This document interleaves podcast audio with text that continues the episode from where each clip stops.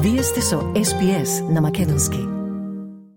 Здравствената осигурителна компанија Медибенк, која немаше своја политика против сајбер криминалот, во средата потврди на телефонски брифинг дека прогнозата за прекршувањето на ботатоците на 12 октомври е полоша отколку што се мислеше.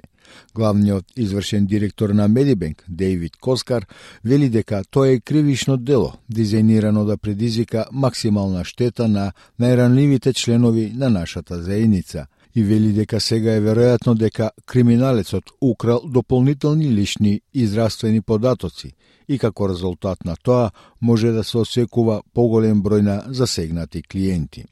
Previously advised we have evidence that the criminal has removed some of our customers' personal and health claims data and it is now likely that the criminal has stolen further personal and health claims data.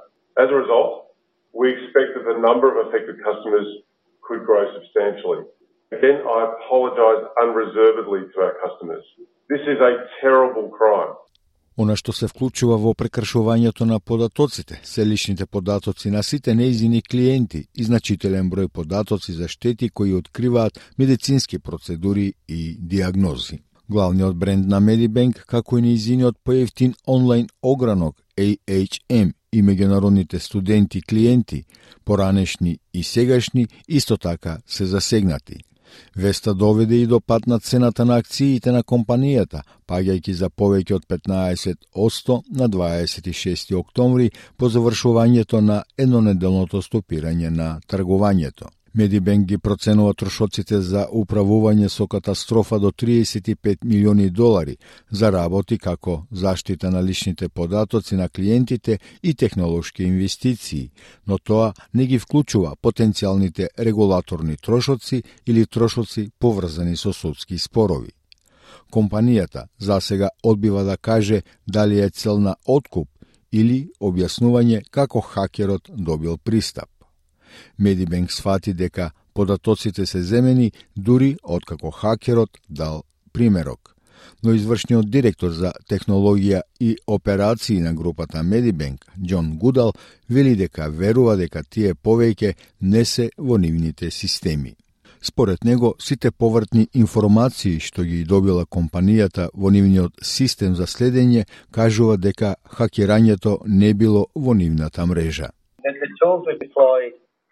basically are set up to prevent that, to prevent entry into the system, to prevent malicious activity on the system, and all the feedback we're getting from from the the eyes on, on glass, if you like, that are monitoring systems are telling us that the hack is not in our network.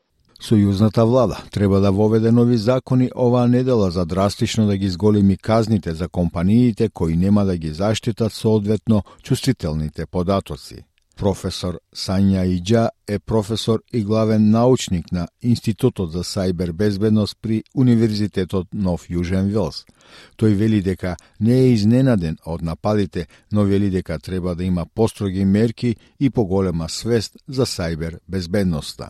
Definitely tougher penalties would motivate them to have better mechanisms in place. But also, like any of these things, uh, has lowered public confidence, and uh, the businesses will be hurting if they don't look after customer data carefully. Професорот Джа вели дека треба да има заеднички напор од јавноста, индустријата и владата за да се спречат сајбер нападите. Тој вели дека сајбер нападите нема да исчезнат наскоро, затоа што лошите момци дефинитивно ќе продолжат да истражуваат и таква е природата на технологијата, дека новите работи што се имплементираат може да остават одредени дупки, но мора да бидеме повнимателни. It's not going to disappear anytime soon because uh, the bad guys definitely will keep exploring, and it's the nature of technology that new things being implemented may leave uh, certain holes, but you, we got to be more diligent.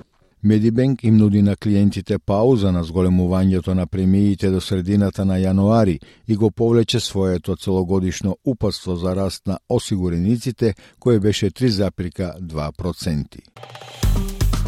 Стиснете, ми се допаѓа, споделете, коментирајте. Следете ја SPS на Македонски на Facebook.